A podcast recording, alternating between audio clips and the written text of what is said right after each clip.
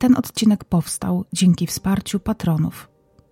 Jeżeli chcesz zostać jednym z nich, zapraszam Cię na stronę Patronite www.patronite.pl Justyna Mazur. Wstępy do odcinków zazwyczaj nagrywam na końcu i dzisiaj to nie jest wyjątek, ponieważ dopiero po opowiedzeniu całej tej historii dotarło do mnie, że pani Danuta żyła ze swoją córką 24 lata i dokładnie tyle samo lat zajęło jej życie bez niej. Do momentu, w którym ciało Joanny zostało wyłowione z jeziora Dywickiego. Stało się to dokładnie kilka miesięcy temu, w 2020 roku, i nawet zastanawiałam się, czy tytuł tego odcinka właśnie nie powinien brzmieć 24 lata z Tobą, 24 lata bez Ciebie. Bardzo się cieszę, zdradzając Wam już sam początek tej historii, że Joasia wreszcie po tylu latach trafiła do domu, gdzie jest bezpieczna, kochana i nikt i nic jej już nie zagraża.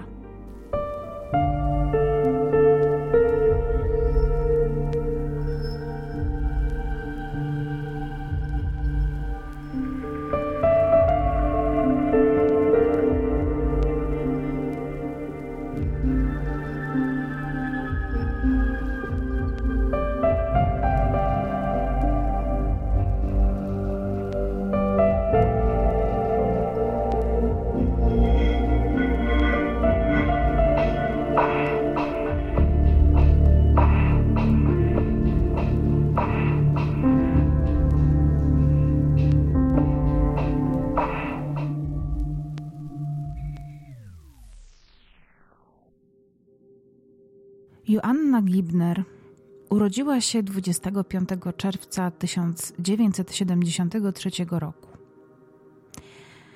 W jej życiu główną rolę wychowawczą pełni jej matka, pani Danuta. Ojciec Joanny i mąż pani Danuty umiera, gdy Joanna ma zaledwie 6 lat w 1979 roku. Joanna od dzieciństwa jest bardzo uroczą, śliczną, drobną blondynką.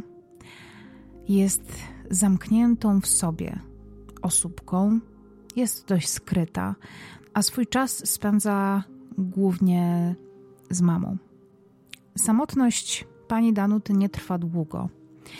I po jakimś czasie, jeszcze w dzieciństwie Joanny, poznaje mężczyznę, Jacka, który staje się później jej mężem i ojczymem dla Joasi. Danuta wiąże spore nadzieje z tym związkiem.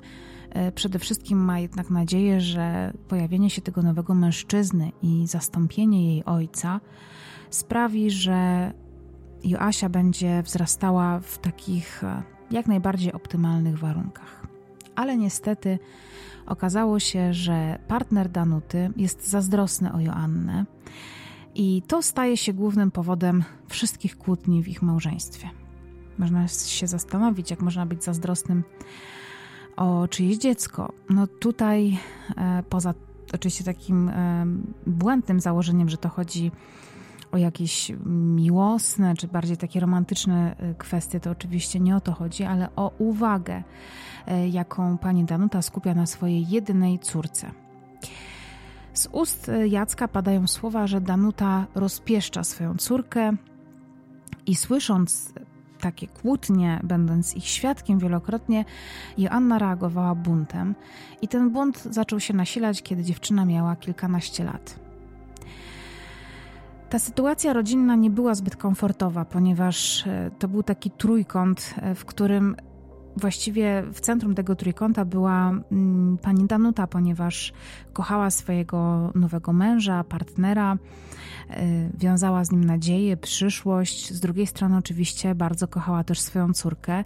Jednak pomiędzy córką a ojczymem nie było jakiejś super miłości i dobrej więzi, więc była po prostu rozdarta, co ma robić. A wszelkie próby mm, jakichś takich negocjacji, mediacji e, nie przynosiły dobrych rezultatów.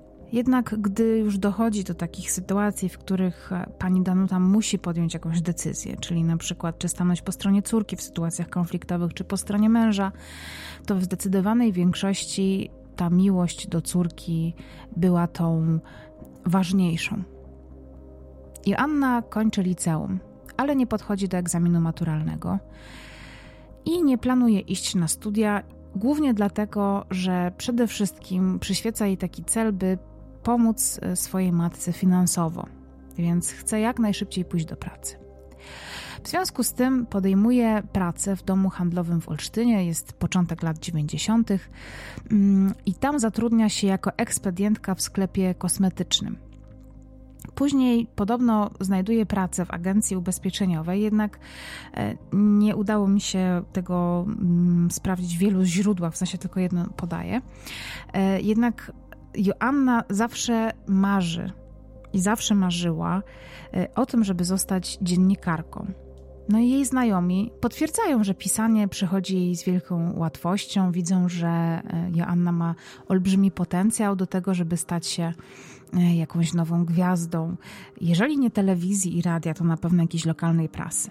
Więc mamy dwudziestolatkę mieszkającą w dość dużym, bo wojewódzkim mieście, jakim jest Olsztyn.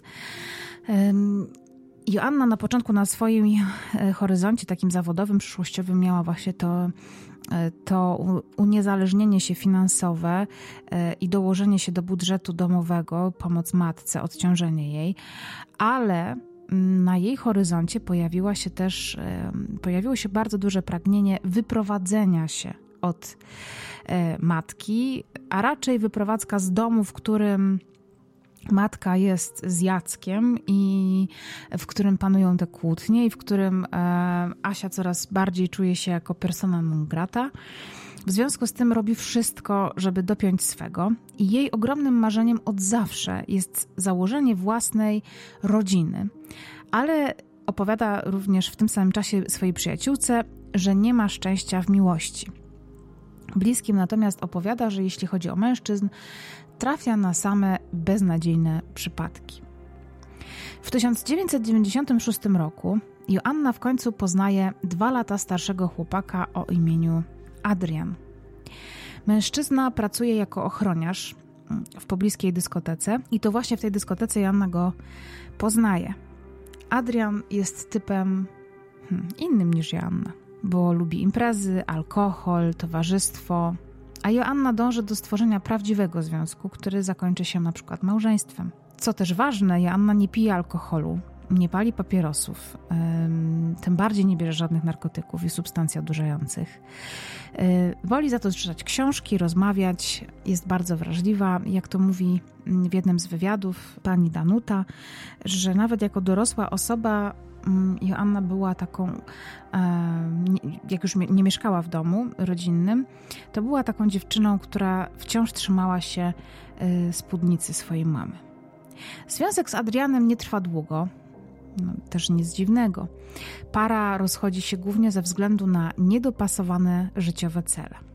Pewnego wieczoru Joasia wraz z koleżankami udaje się na dyskotekę do znanego pubu w Olsztynie. Jest ciepły letni wieczór. Joanna na dyskotece poznaje grupkę mężczyzn i wśród tych mężczyzn jest Marek. Marek imponuje Joannie, bo ma własny samochód, jest pracowity, zaradny.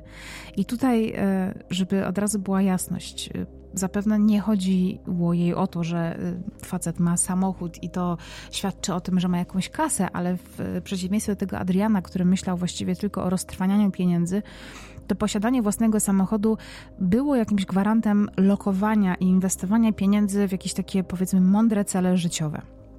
Marek jest od Joanny dwa lata młodszy, ale to właśnie nie przeszkadza mu w tym, żeby mm, i życiowo zaimponować, i tym też jej imponuje, że jest po prostu taki bardziej stateczny. Mieszka co prawda niedaleko od Olsztyna, ale dzięki temu samochodowi mają okazję się częściej spotykać. Do tego Joanna widzi, że Marek jest pracowity, zaradny, e, no i tak samo jak ona marzy o założeniu rodziny.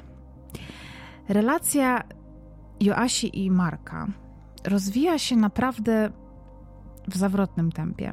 I tutaj mówię w bardzo zawrotnym tempie, ponieważ już trzy tygodnie po poznaniu się Marek oświadcza się Joannie.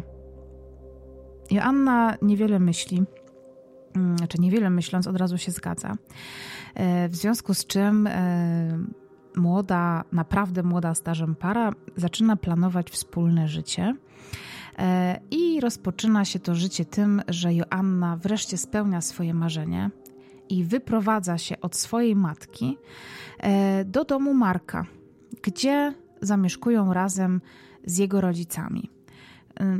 Najwyraźniej rodzice nie mieli nic przeciwko temu, żeby ich 22-letni syn e, w, po prostu nagle po trzech tygodniach sprowadził do swojego domu e, dziewczynę, no ale tak się właśnie dzieje. E, I Joasia żyje pod dachem z, ze swoimi przyszłymi teściami.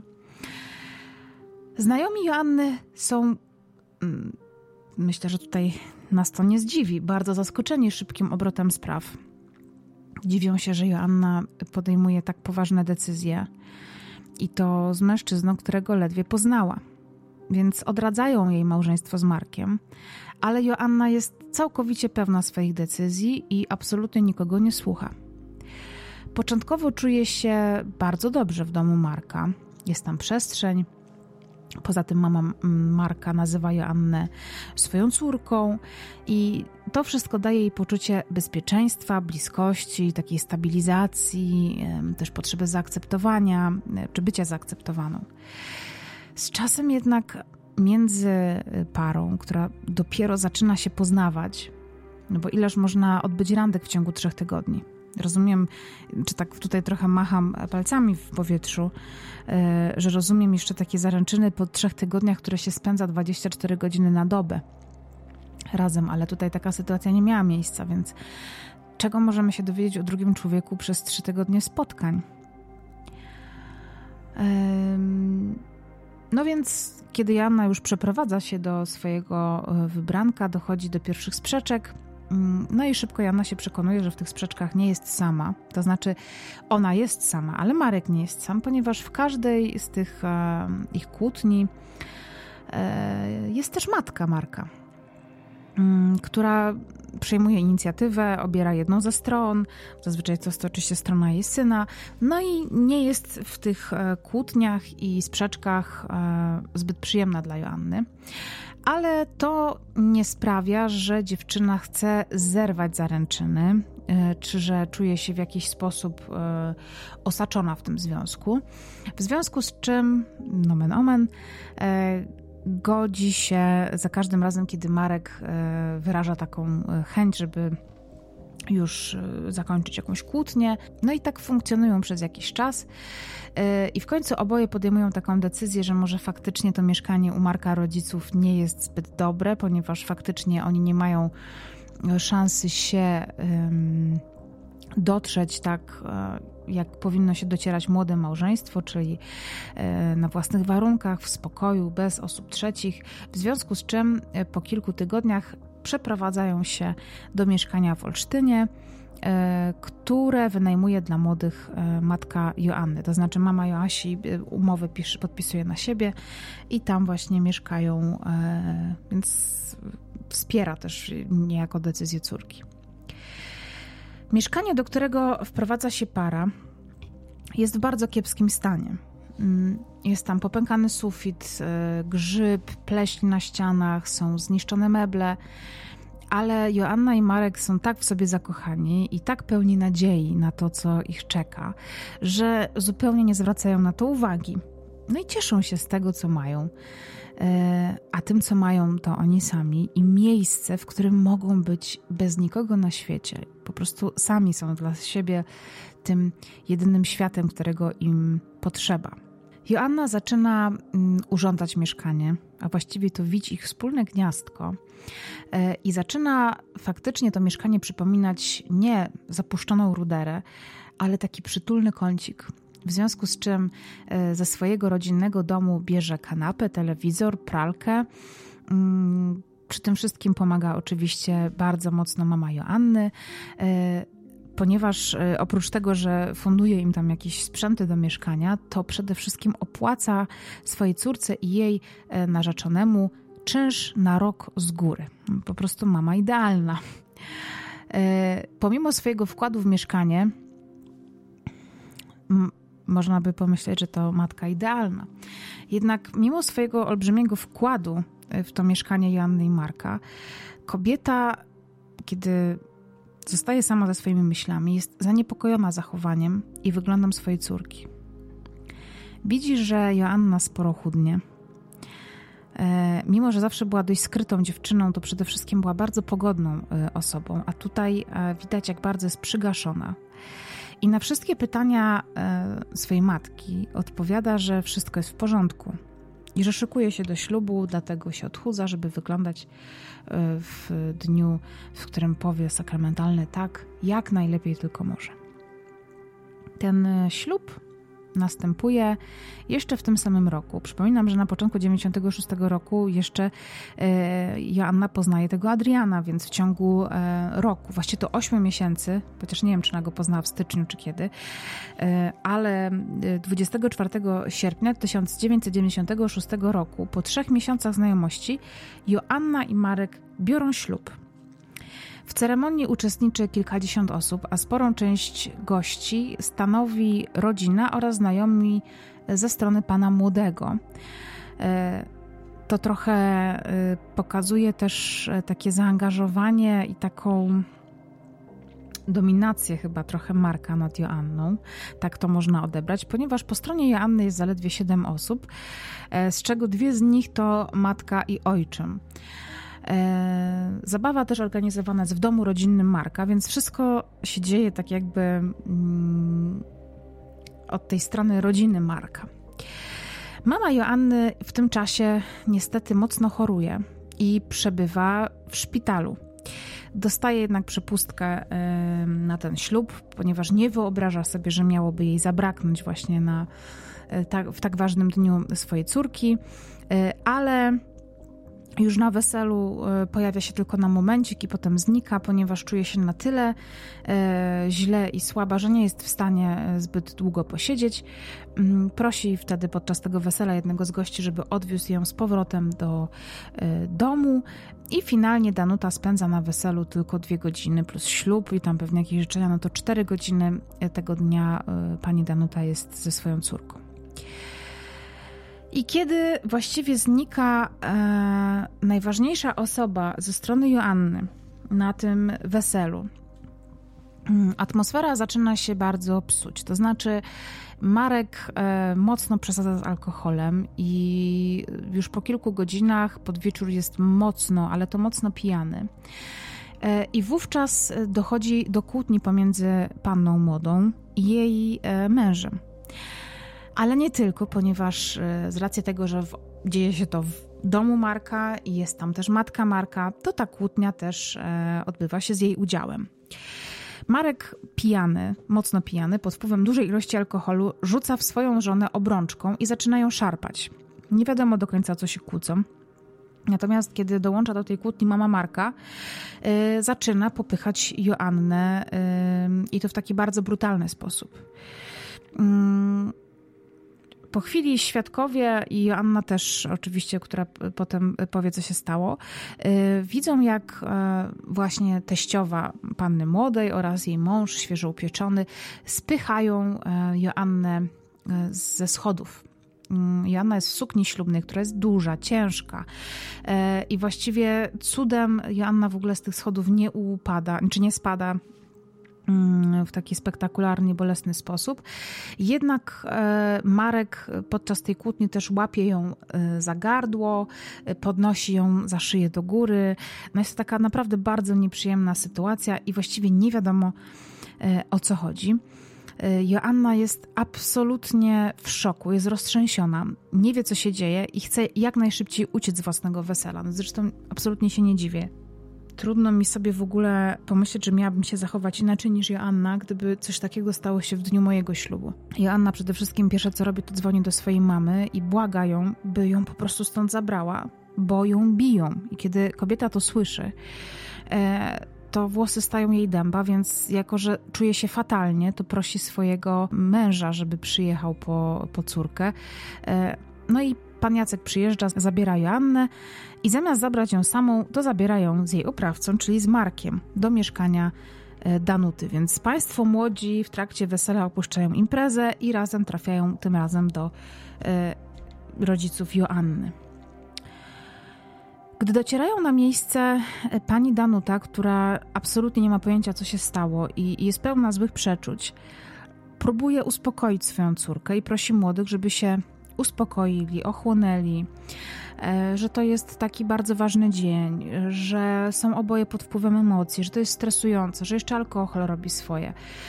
Więc, żeby postarali się wyciszyć, e, i że e, najlepiej im zrobi to, jeżeli razem pojadą do swojego mieszkania i tam spróbują się dogadać. Przede wszystkim najpierw się przespać, i rano sobie wszystko ułożyć, więc Joanna z Markiem wracają do tego swojego mieszkania w Olsztynie.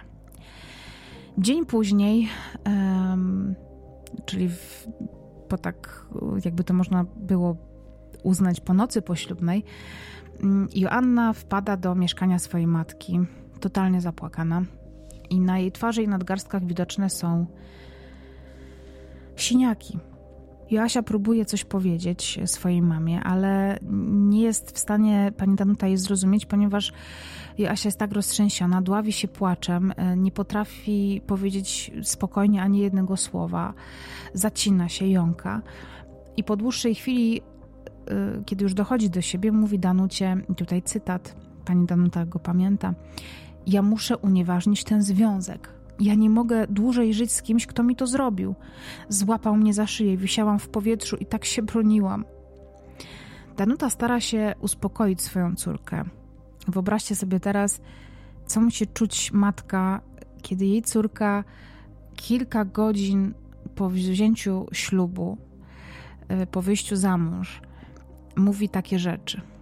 Danuta przede wszystkim jednak stara się znowu tutaj uciec do spokoju do tego, żeby wyciszyć emocje, mm, ale przede wszystkim córkę wspiera i pociesza.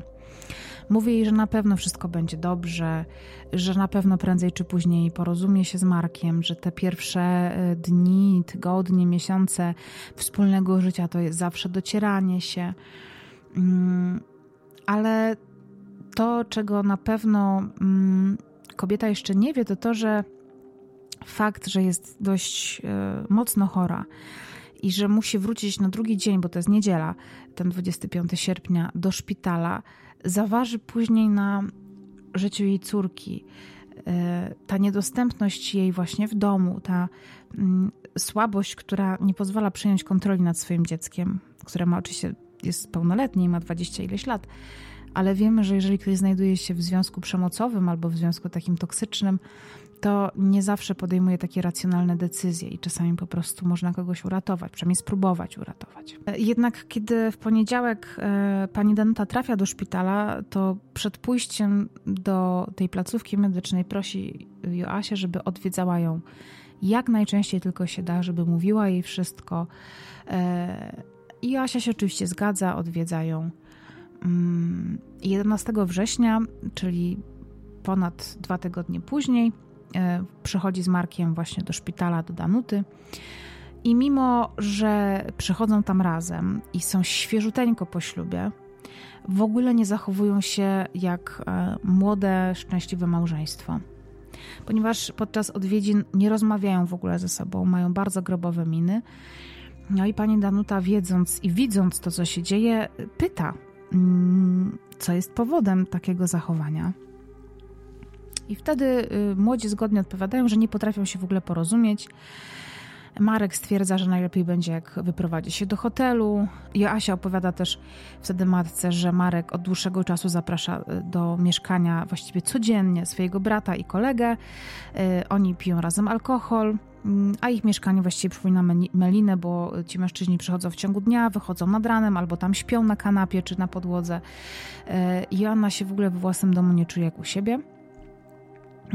I przez kolejne dwa dni, 12 i 13 września, Joanna przychodzi już e, do szpitala do swojej mamy sama, bez Marka. E, I 13 września mówi mamie, że e, przyjdzie jeszcze jutro, mm, jeszcze przyjdzie znowu jutro, że będzie sama, bo chce też z nią porozmawiać sobie. Mm, te wizyty sprawiają kobietom dużą przyjemność, ale 14 września Danuta nie doczekuje się już odwiedzin swojej córki. Mijają trzy dni od tego 14 września, jest 17 września. E, w szpitalu do Danuty Januszewskiej e, przychodzi nikt inny jak Marek. Jest roztrzęsiony, podenerwowany. Kobieta od razu widzi, że stało się coś złego, że musiało stać się coś złego.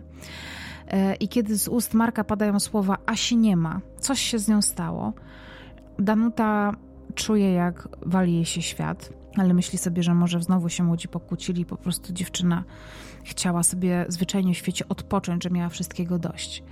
Marek jednak stwierdza, że mm, Asia wyszła z domu na dyskotekę w towarzystwie koleżanki w sobotę, a 17 września był we wtorek, w związku z czym to są cztery, no trzy dni właściwie, trzecia doba od zaginięcia yy, i nie wróciła z tej dyskoteki do tej pory.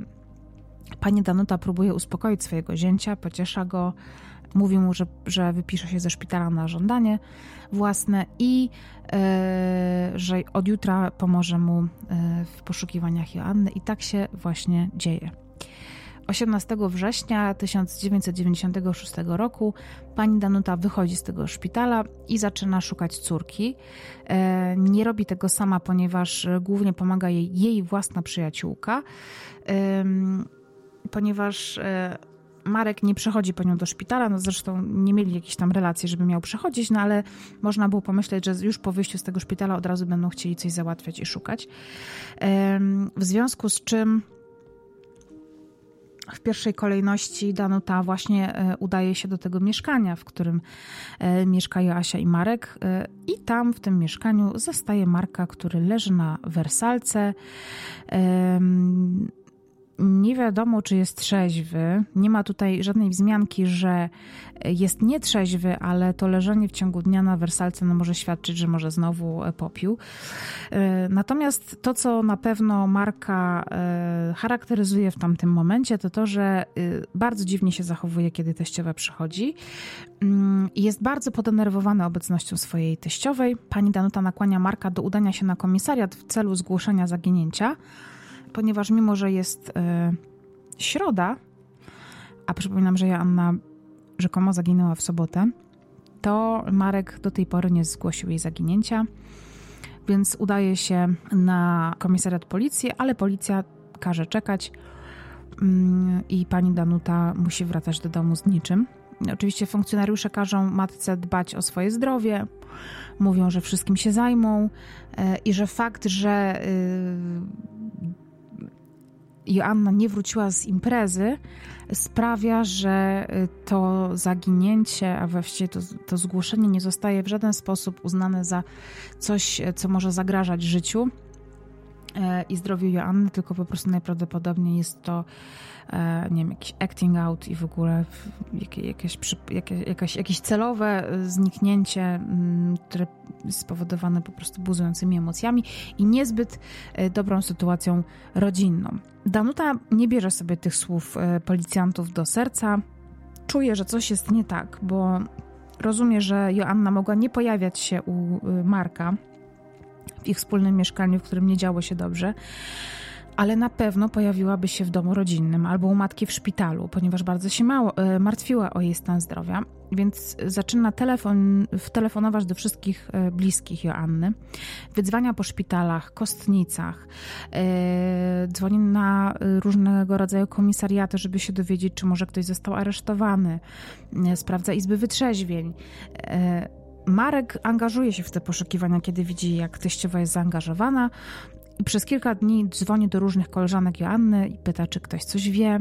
mm, ale szybko zaprzestaje poszukiwań, bo tych koleżanek też nie jest zbyt wiele. Poza tym, no, po kilku razach, e, kiedy nie dowiaduje się niczego nowego, no to też nie widzi sensu, żeby nadal dzwonić. W październiku, kiedy mija miesiąc od zaginięcia Joanny, wiadomo już, że Joanna nie nawiązała absolutnie z nikim kontaktu. Ani ze swoim mężem, ani ze swoimi znajomymi, ani ze swoją matką. Nikt jej też nie widział. Mm, I Marek nie ustaje w poszukiwaniach, żeby odnaleźć chociażby ślad po swojej żonie. Mówi wszystkim, że y, Joanna po prostu najprawdopodobniej od niego odeszła i uciekła. Mm, I postanawia, że jego wkład y, tutaj w poszukiwania się kończy na tym, ponieważ on uznaje, że, że, kobieta, że to po prostu jest równoznaczne z tym, że ona go zostawiła i porzuciła.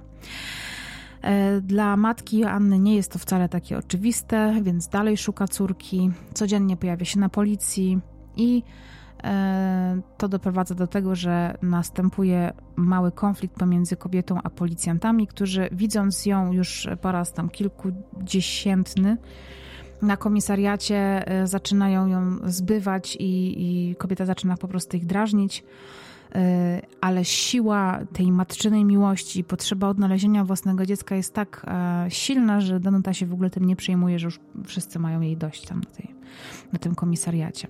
Pod koniec października postanawia udać się do Jasnowidza, mówimy tutaj o Danucie. Jedzie więc 250 km na spotkanie ze znanym jasnowidzem z czyli panem Krzysztofem Jackowskim. E, kobieta przeznacza na to wszystkie swoje pieniądze, których właściwie już e, od dłuższego czasu jej zaczynało brakować, ponieważ e, najpierw zainwestowała w mieszkanie swojej córki, urządziła, czy pomogła jej je urządzić. E, opłaciła ten czynsz z góry, do tego jeszcze jej córka wyszła za mąż, więc na wesele też trzeba było swoje dać. Pewnie jakiś posag maluteńki e, trzeba było oddać, więc to była sytuacja, w której pani Danuta tych pieniędzy praktycznie w ogóle nie miała.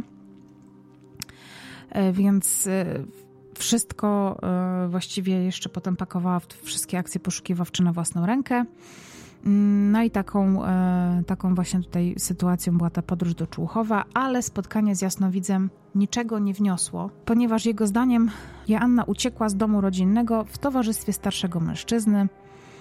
Danuta z kolei absolutnie nie jest w stanie uwierzyć w tę teorię ponieważ wie dobrze, że córka nigdy by jej nie zostawiła. A jeśli chciałaby uciec i poznałaby nowego mężczyznę, to na pewno powiedziałaby o tym swojej mamie, bo wiedziała, że ta nie przepada za Markiem i może nawet by się ucieszyła, że ten wybranek serca jest inny. To był ten y, rodzaj relacji pomiędzy matką a córką, która jest bardzo bliska i jest przede wszystkim oparta na olbrzymiej miłości i przyjaźni. Danuta postanawia wtedy napisać list do prokuratury okręgowej w Olsztynie, gdzie opisuje, że jej córka padła ofiarą morderstwa. Tutaj wszystko leżało w rękach e, tych kilku osób, które pracowały na komisariacie, na którym to zaginięcie zostało zgłoszone. Danuta obserwuje swojego zięcia i to, że on już przestał szukać jej córki, to, że wrócił do swojego starego trybu życia, że właściwie niezbyt się przejmował. Jedyne na co go właściwie było stać to te pierwsze tygodnie, kiedy faktycznie tam dzwonił, to, to, że w tym małżeństwie się nie układało, że właściwie od dnia wesela e, córka otwarcie mówiła o tym, że tam się zdarza przemoc i to nie tylko ze strony Marka, ale też jego matki. Pani Danuta po prostu doszła do wniosku, że jej córka albo jest w olbrzymim niebezpieczeństwie i ktoś ją na przykład przetrzymuje, albo po prostu została zabita. W związku z czym, kiedy pisze ten list do prokuratury okręgowej w Olsztynie, wskazuje, że zabójcą jej jedynej córki najprawdopodobniej jest mąż Marek. E, pani Danuta jest przekonana, że to on właśnie stoi w 100% za zniknięciem jej córki. Po pierwsze, dlatego, że żadna z koleżanek nie widziała Joanny.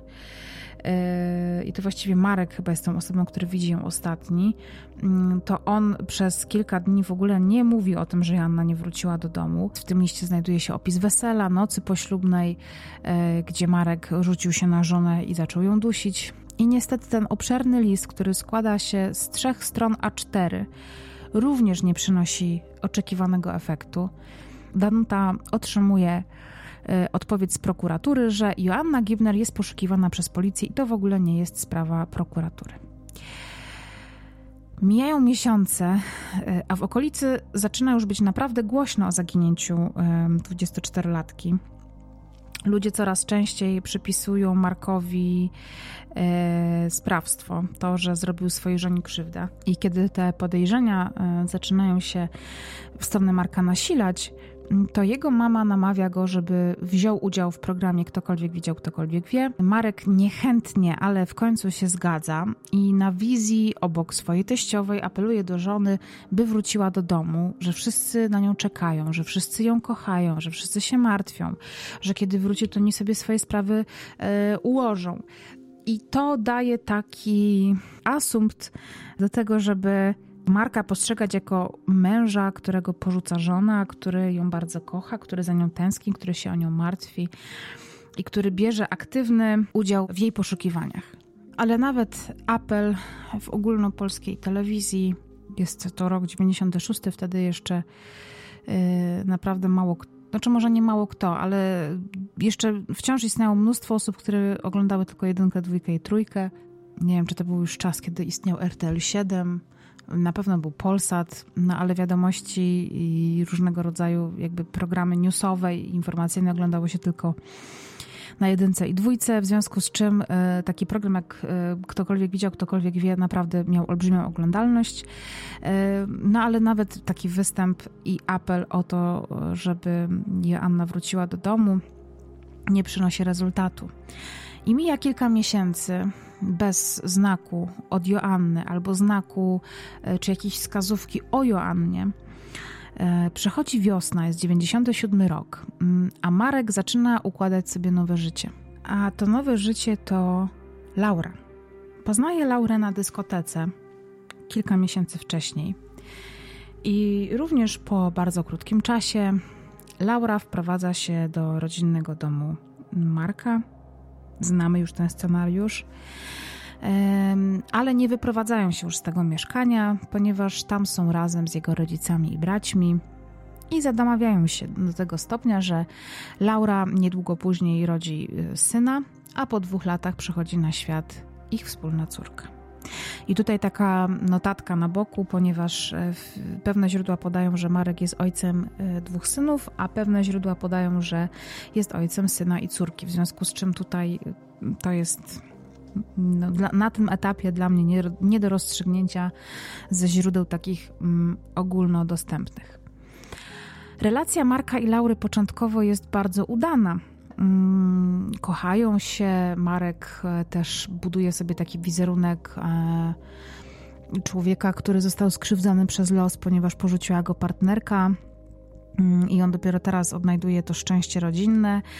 Y, nie może jednak się ożenić z Laurą, ponieważ wciąż jest żonaty z Joanną, a Joanna jest uznana za zaginioną osobę y, i nie może Marek wziąć z nią rozwodu, a do uznania Joanny za zmarłą, y, o czym w ogóle jeszcze na tym etapie nikt nie myśli, oprócz matki Joanny, no, może dojść dopiero po 10 latach, więc przed Markiem jeszcze sporo czasu. Mm, I mimo że ten związek z zewnątrz wygląda świetnie i na początku Laura się bardzo dobrze w nim czuje, to jednak po czasie e, zauważa, że Marek nadużywa alkoholu, e, a w domu zaczyna brakować pieniędzy. Ona sama zajmuje się dwójką dzieci, to malutkich, w związku z czym ten, mm, ten obowiązek utrzymania rodziny i zapewnienie jej jakichś dochodów spada na mm, Marka. Taki tradycyjny dość model. W związku z czym e, Laura dość często wszczyna kłótnie z tego powodu. Zresztą też nie bez powodu, bo ponieważ Marek e, przede wszystkim się zobowiązał do tego, że tak będzie e, robił i że będzie na tę rodzinę zarabiał. Marek jednak przestał od pewnego momentu opłacać rachunki, a większość zarobionych pieniędzy po prostu przepijał. Stawało się to powodem do kłótni też na linii Marka i jego własnych rodziców. Ale że rodzice nie chcieli za bardzo zająć się problemem swojego syna, e, tak żeby na przykład, nie wiem, zachęcić go do tego, żeby był bardziej odpowiedzialny za swoją rodzinę, czy żeby przestał pić. E, tylko rodzina Marka zareagowała na ten problem w ten sposób, że kazała się po prostu parze wyprowadzić z ich domu, mm, czyli co z oczu, to z serca. Mm, I brat Marka Arkadiusz, y, ten sam, który y, przychodził tak często do Joanny y, do mieszkania, staje tutaj w tej sytuacji po stronie rodziców, co też w znaczny sposób wpłynęło na taką, na pogorszenie relacji Marka z, ze swoim rodzeństwem. W tej rodzinie Marka, którą już tworzy z Laurą i której owocem są dzieci, zaczyna dochodzić do częstych bujek. Większość tych bujek łagodzi policja, która bardzo często interweniuje w ich mieszkaniu. Krążą plotki, że Marek zmusza Laurę do prostytucji w Olsztynie. I robi to tylko i wyłącznie po to, żeby kobieta zarabiała przyzwoite pieniądze, e, bo jemu po prostu się nie chciało pracować. Sam zaś przepija wszystkie zarobione e, zarówno przez siebie, jak i przez Laurę pieniądze. Laura chyba część tych pieniędzy chowa przed swoim mężem. I jakby tego było mało, to w 2003 roku dzieje się coś niezwykłego, ponieważ e, to jest rok, w którym konflikt braci mm, sięga zenitu. I pewnego dnia Marek otrzymuje list od swojego brata, właśnie od Arkadiusza, który w tym liście wspomina mu, że spisał dokładnie szczegóły dotyczące tamtej nocy. Tamtej nocy. E, oraz relacji świadków, że dysponuje dowodami na wszystkie niezapłacone rachunki Marka. A na koniec listu wspomina o Joannie i że zna jej mordercę i miejsce, w którym znajduje się ciało. I ten list trafia w ręce Laury. Tego samego dnia wieczorem Laura razem z Markiem siadają, mm, otwierają piwo nie wiem, jaki stosunek do alkoholu miała Laura, ale podejrzewam, że e, może nie zapijała się tak bardzo jak Marek, ale że ten alkohol tam grał jakąś e, rolę dość ważną w tym związku. Być może też Laura kierowała się tym, żeby Marka trochę znieczulić i żeby go e, wziąć trochę mm, pod włos. No i kiedy tak siedzą sobie przy piwie, rozmawiają i początkowo Laura rozmawia z Markiem o problemach rodzinnych, o konfliktach. Chce trochę chyba naprowadzić go na temat Arkadiusza, żeby w końcu poruszyć temat tego listu. W pewnym momencie zbiera się na odwagę i zadaje pytanie Markowi, co tak naprawdę stało się z Joanną. E, otrzymuje jednak odpowiedź, która z jednej strony jej nie satysfakcjonuje, ale z drugiej strony jest odpowiedzią na wszystkie najgorsze jej przypuszczenia. Ponieważ Marek mówi Laurze, że mm, nie chce wiedzieć o tym, co się stało z Joanną, co ją jeszcze bardziej niepokoi. Mm, już wtedy właściwie jest przekonana gdzieś tam w duchu, że, że to Marek stoi za zaginięciem swojej żony. Po około czterech godzinach ponawia swoje pytanie wykorzystując tym samym moment, że jej mąż po prostu już jest mocno e, upojony alkoholem, w związku z czym też ma mniejsze hamulce, żeby mówić e, szczerze. E, I Marek wtedy wyznaje Laurze, że udusił swoją żonę i że zrobił to dokładnie 14 września 1996 roku, ale że jeśli ktokolwiek o tym się dowie, to Laurze zrobi to samo, że spotka ją ten sam los. We wrześniu tego samego roku, czyli 2003, Laura w obawie o swoje życie zgłasza się na policję. Po prostu e, nad jej życiem przyjmuje e, kontrolę jednak rozsądek i taka, no moim zdaniem, uczciwość nawet.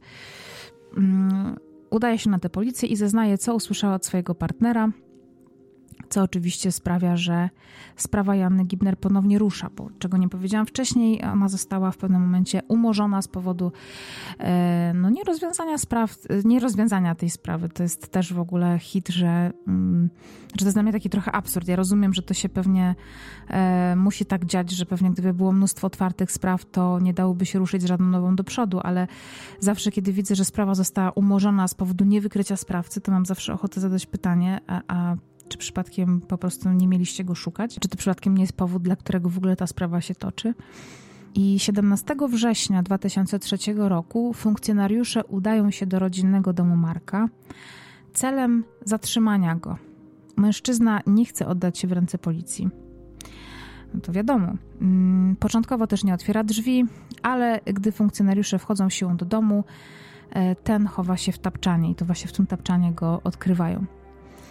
Tego samego dnia też zostaje zatrzymany e, Arkadiusz, czyli brat Marka, ponieważ policja zatrzymuje go jako ważnego świadka w sprawie, ponieważ e, Laura też mówi o liście, z którego dowiedziała się właśnie o tym, że Marek może mieć coś wspólnego z zabójstwem Joanny, że zniknięciem jeszcze Joanny.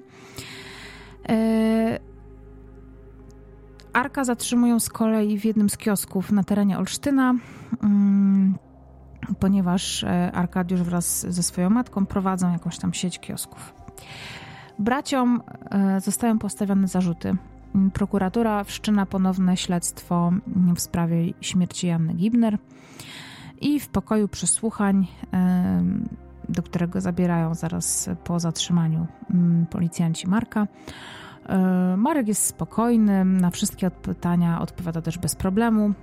I kiedy policja w końcu pyta Marka o szczegóły dotyczące śmierci Janny, ku chyba zdziwieniu wszystkich, Marek opowiada o wszystkim ze szczegółami. A więc dowiadujemy się z jego opowieści, z jego zeznań, że 14 e, września 2000, przepraszam, 96 roku Joanna wróciła do domu późnym wieczorem. Wcześniejszej nocy kobieta nie spędziła w domu, co zdenerwowało jej męża. Więc zapytał żonę, gdzie spędziła noc, a ona odpowiedziała, że u swojego byłego chłopaka, u tego samego, którego poznała niewiele przed ślubem, a właśnie to niewiele przed poznaniem e, Marka. Mm, Joanna wyrzuciła wtedy mężowi, że chce zakończyć związek, bo go nie kocha i że on jako mąż po prostu jest do niczego, że jest wobec niej agresywny. E, no i też e, z racji tego, że mężczyzna właśnie w taki sposób reagował na sytuacje konfliktowe, zaczął e, Joannę prze, mm, popychać, zaczął Joannę po prostu popychać, ale ona tym razem nie była mu dłużna, ponieważ miała w sobie jakąś taką siłę i pewność, że chce to skończyć. Więc doszło pomiędzy nimi do e, jakiejś tam e, przepychanki, w wyniku której Marek rzucił się na e, swoją żonę.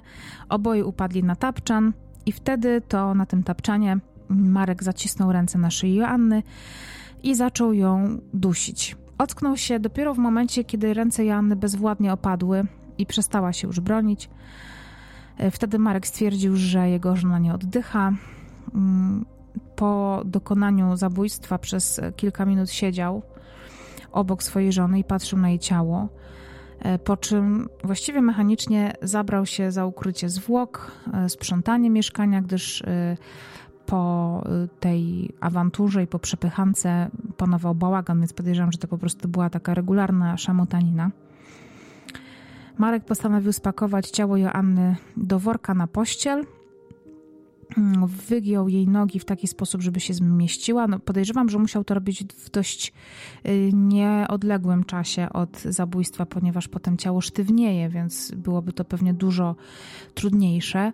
Y, całą torbę schował do tapczanu, mm, do tego samego, na którym ją wcześniej zamordował. Na tym samym tapczanie przecież spędzili noc poślubną i to jest ten sam tapczan, który Joanna przywiozła ze swojego domu rodzinnego.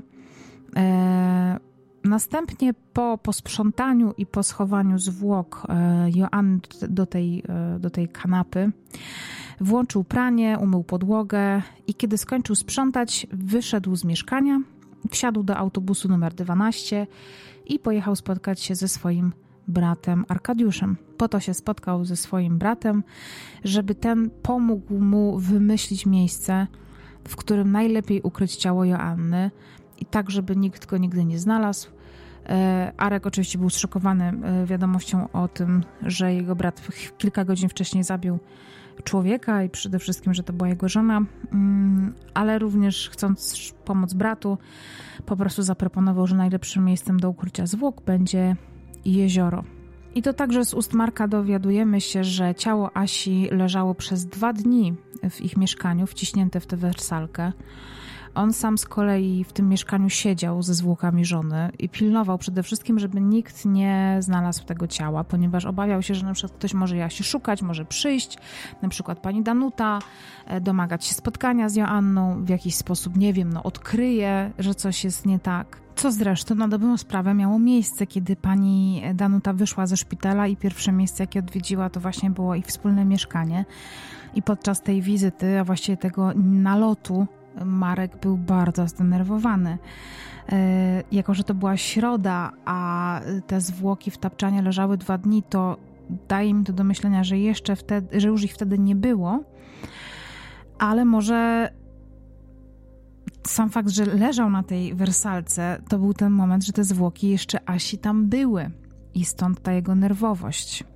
Ciekawa sprawa do przemyślenia, ale nie udało mi się niestety dotrzeć do informacji, czy kiedy ona tam była, to te zwłoki jeszcze były w mieszkaniu. Ale wiedział, że ta sytuacja nie może trwać zbyt długo, no bo jednak zwłoki za moment zaczną się rozkładać. Tym bardziej, że było to jeszcze, no było to jeszcze, było to jeszcze astronomiczne lato, mm, więc y, postanowił przewieźć je po prostu do domu rodzinnego e, w tym worku na pościel.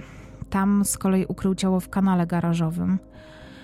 E, I dopiero po kilku dniach, e, kiedy otrzymał telefon od swojego brata z informacją, że ten zorganizował ponton, który mógł pomóc im ukryć zwłoki w jeziorze, to dopiero wtedy to ciało zostało z tego kanału garażowego wyciągnięte, zabrane przez obu mężczyzn z tego garażu, e, wsadzone do Mercedesa, którym jeździł Arkadiusz i przewiezione nad jezioro Dywickie w Dywitach. E, tam Marek obwiązał sznurkiem e, worek, w którym była e, Joanna. Sam worek obciążył złomem, bo pamiętajmy o tym, że Joanna była w ogóle szczupłą dziewczyną, ale przed ślubem i w ogóle w tym okresie, kiedy związała się już tak węzłem małżeńskim z mm, z Markiem to była bardzo wychudzona wręcz, tak jak określa to pani Danuta, więc e, Marek wiedział, że chce obciążyć jej ciało, e, więc obciążył złomem, mm, a do worka przywiązał cegły.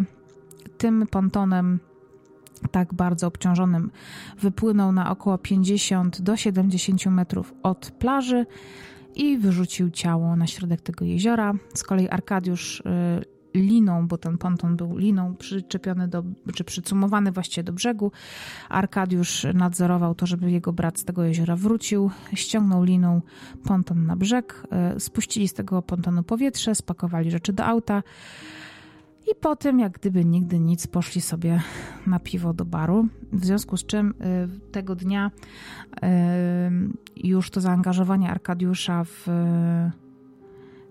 może nie w udział w samym zabójstwie, ale w ukrywaniu ciała i w ogóle w tuszowaniu zbrodni było dość znaczące, ponieważ on był chyba trochę nawet takim mózgiem tej operacji.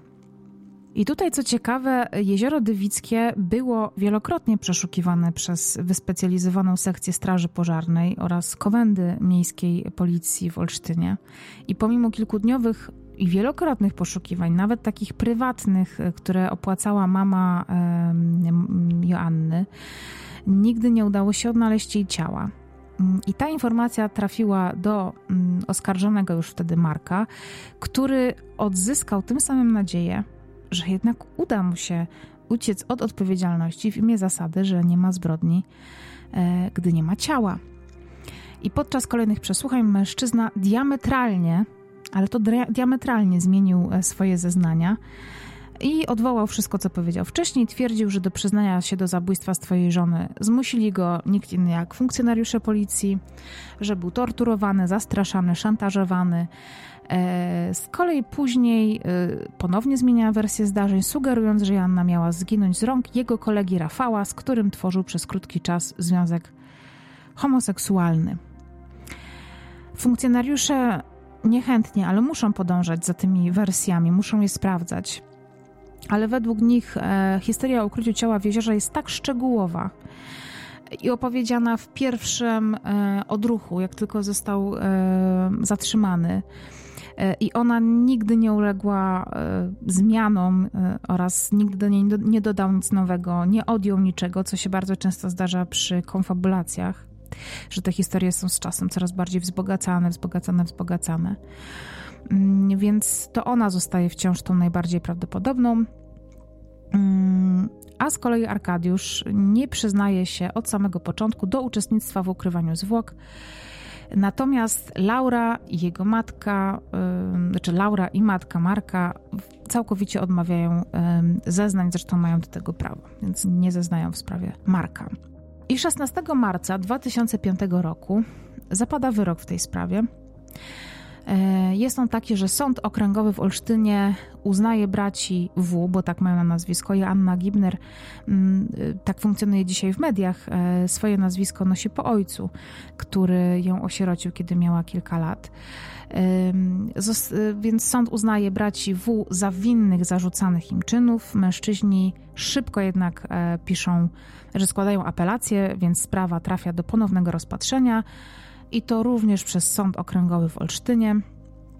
Mm, I to skutkuje tym, że 9 listopada 2006 roku już Marek W. zostaje skazany za zabójstwo Joanny Gibner na 15 lat więzienia, natomiast Arkadiusz W. na 2 lata pozbawienia wolności E, za pomoc w ukryciu zwłok.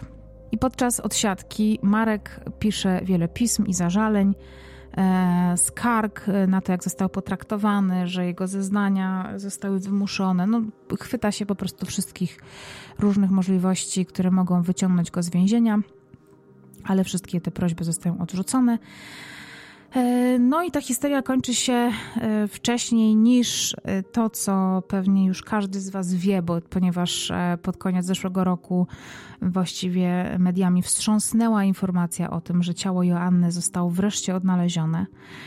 Mm, I smutne jest to, że ciało Joanny zostało odnalezione dwa lata po tym, jak Marek już wyszedł z więzienia, ponieważ odbył całą karę.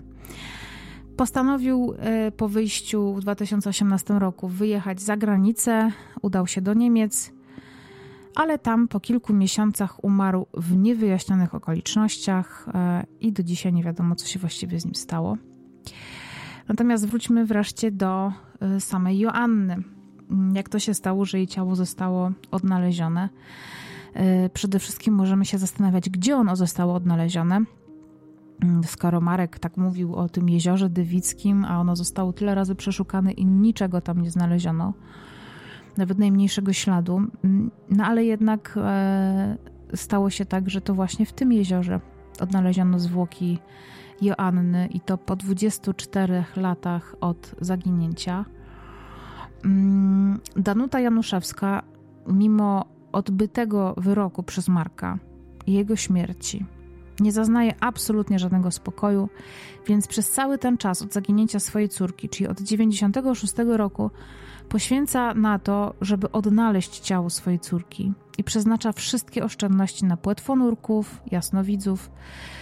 E, rozstaje się także z mężem, ponieważ y, nie potrafię zapomnieć o Joannie, a męża to po prostu kompletnie męczy. I to mi tak trochę przypomina sprawę państwa e, Wójtowiczów, y, którzy też się rozstali, ponieważ e, pan, e, już nie pamiętam jak on się nazywał, pan Wójtowicz mm, nie mógł się pogodzić z tym, że jego syn wciąż nie został odnaleziony, przynajmniej jego ciało, bo on już też nie wierzy, że syn zaginął, tylko wie, że jest, znaczy czuje tak, że on nie żyje i zresztą wszystko na to wskazuje.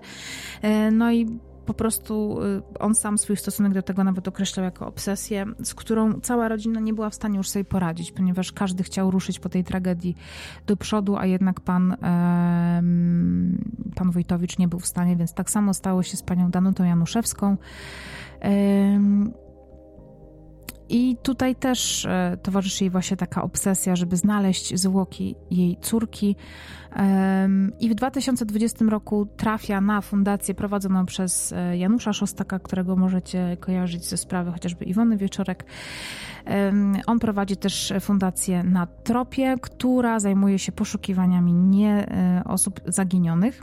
I tam właśnie prosi pana Szostaka o to, żeby pomógł jej odnaleźć zwłoki Janny. Janusz Szostak zaangażował się i to bardzo mocno w tę sprawę, mm, więc postanowił e, tutaj zadziałać dość sprawnie i zaangażował do przeszukania tego jeziora Dywickiego Marcela Korkusia, który w marcu y, tego samego roku, czyli 2020, zasłynął odnalezieniem ciała małego chłopca w rzece Kwisie w Nowogrodźcu. Ten oto specjalista, pan Marcel Korkuś, zapoznaje się z aktami sprawy e, śmierci Janny Gibner. Dzięki temu też e, nabiera pewnych przekonań i podejrzeń, e, wyznacza obszar jeziora, który należy przeszukać.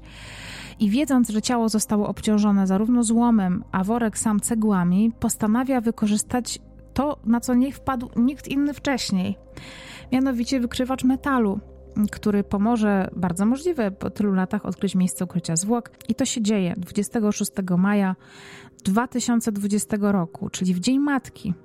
Marcel Korkuś odnajduje torbę z ciałem Joanny Gibner mm, na brzegu jeziora, aż mi się chce płakać. Czeka jej matka, pani Danuta Januszewska, mm, która po wstępnych oględzinach rozpoznaje mm, swoją córkę, która od 96 roku, czyli przez 24 lata, spoczywała na dnie jeziora Dywickiego i rozpoznaje ją po okularach i czarnej torebce, którą Joanna przywiozła z Francji, e, kiedy była tam na wymianie szkolnej. Miesiąc później, bo 26 czerwca, Joanna Gibner zostaje pochowana w grobie rodzinnym, gdzie leży jej ojciec i obecnie spoczywa właśnie u jego boku. Jest to historia tak niezwykła i taka. Um, och, nawet nie wiem, jak ją spuentować. I może po prostu tym razem tego nie będę robić. Bardzo się cieszę z tego powodu, że y, jest to taka sprawa, która wydawała się przez tyle lat beznadziejna, no bo jak można odnaleźć ciało kogoś, kogo teoretycznie um, wrzucono do rzeki i jak może takie ciało po 26 latach wyglądać? Przepraszam, po 24 latach wyglądać. Um, a jednak są takie rzeczy możliwe i chyba to też daje takie poczucie, że należy zawsze mieć nadzieję, że y, szczątki naszych, znaczy może nie naszych, nie życzę nikomu, żeby to, były, to byli nasi bliscy, że zostaną odnalezione i że można zaznać jakiejś takiej ulgi albo zamknięcia pewnego etapu, chociaż są takie sprawy, które nigdy tego nie doczekają. E, jednak w jakiś sposób cieszy mnie to, że, że pani Danuta Januszewska mogła spokojnie e, pochować swoją córkę i jest w jakiś sposób z nią zjednoczona teraz, kiedy może po prostu pójść na grób i zapalić e, córce świeczkę na grobie. Bardzo smutna sprawa, bardzo dawna sprawa, e, ale też myślę, że jest to taka sprawa, która faktycznie daje nadzieję. I to są czasami takie drobnostki, tak jak właśnie zatrudnienie tego pana Marcela Korkusia, który po prostu wpada na pomysł, że skoro w aktach było powiedziane, że zostały y, te zwłoki obciążone złomem, no to dlaczego by nie użyć wykrywacza metalu? I to właśnie dzięki takiej drobnostce e, udało się wpaść na. E, znaczy nie wpaść, tylko udało się po prostu odnaleźć ciało Joanny. Dziękuję Wam bardzo dzisiaj za uwagę.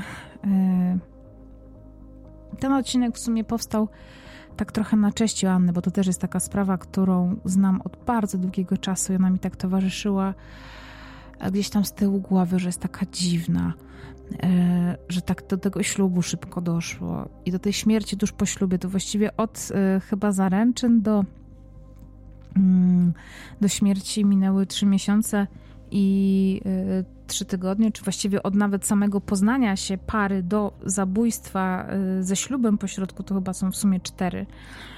Mm, więc no, uważajcie na siebie po prostu. Jeżeli jesteście w przemocowych związkach, e, to poproście kogoś o pomoc i informujcie wszystkich bliskich o tym, co was spotyka. Proście o pomoc. Nawet jeżeli wydaje wam się, że sami ogarniecie tę sytuację, to tak często może się zdarzyć, że jednak tak się nie stanie. E, I odchodźcie od tych przemocowych partnerów i od wszystkich ludzi, którzy e, traktują was mm, niedobrze. I z takim apelem dzisiaj Was zostawiam. W tym tygodniu słyszymy się jeszcze raz. Mam nadzieję, że będzie to w e, okolicach weekendu, mm, więc zapraszam Was też na odcinek kolejny. Będzie to odcinek dość niezwykły, ponieważ nie będzie dotyczył sprawy polskiej jako pierwszy odcinek tutaj na piąte nie zabijaj, e, ale ta sprawa tak za mną chodzi ostatnio i tak już dużo zrobiłam w, w, celu właśnie e, dużego researchu i, i nawet takich opinii ekspertów, więc zapraszam Was na taki smaczek zagraniczny, ale wydaje mi się, że dla wielu z Was nie będzie absolutnie ta sprawa zaskoczeniem, ponieważ e, właściwie na początku każdego odcinka w czołówce możecie zobaczyć e, twarz osoby, o której właśnie będzie mowa w kolejnym odcinku, więc serdecznie Was zachęcam do tego, żebyśmy się jeszcze usłyszeli w tym tygodniu raz i myślę, że też będzie to po prostu premiera na żywo. Dziękuję Wam bardzo za wysłuchanie tego odcinka. Jeżeli podoba Wam się ten odcinek, to mm, i słuchacie go na YouTubie, to poproszę Was o subskrypcję i łapkę w górę. E, wiem, że to brzmi idiotycznie po takim całym odcinku um, tragedii prosić o łapkę w górę, ale jednak to bardzo pomaga w, w ogóle w ocenie tych wszystkich treści na YouTubie i one po prostu to pomaga mi się gdzieś tam w tym serwisie lepiej y, odnajdować. No i też proszę Was o subskrypcję kanału też z tego samego względu. A jeżeli chcecie wspierać moją twórczość, to zapraszam Was na mojego Patronite'a patronite.pl Justyna. E, jeżeli wolicie inaczej wspierać mnie, to zostaje Wam jeszcze PayPal albo tutaj wsparcie na YouTubie. Dziękuję Wam bardzo za uwagę i do usłyszenia.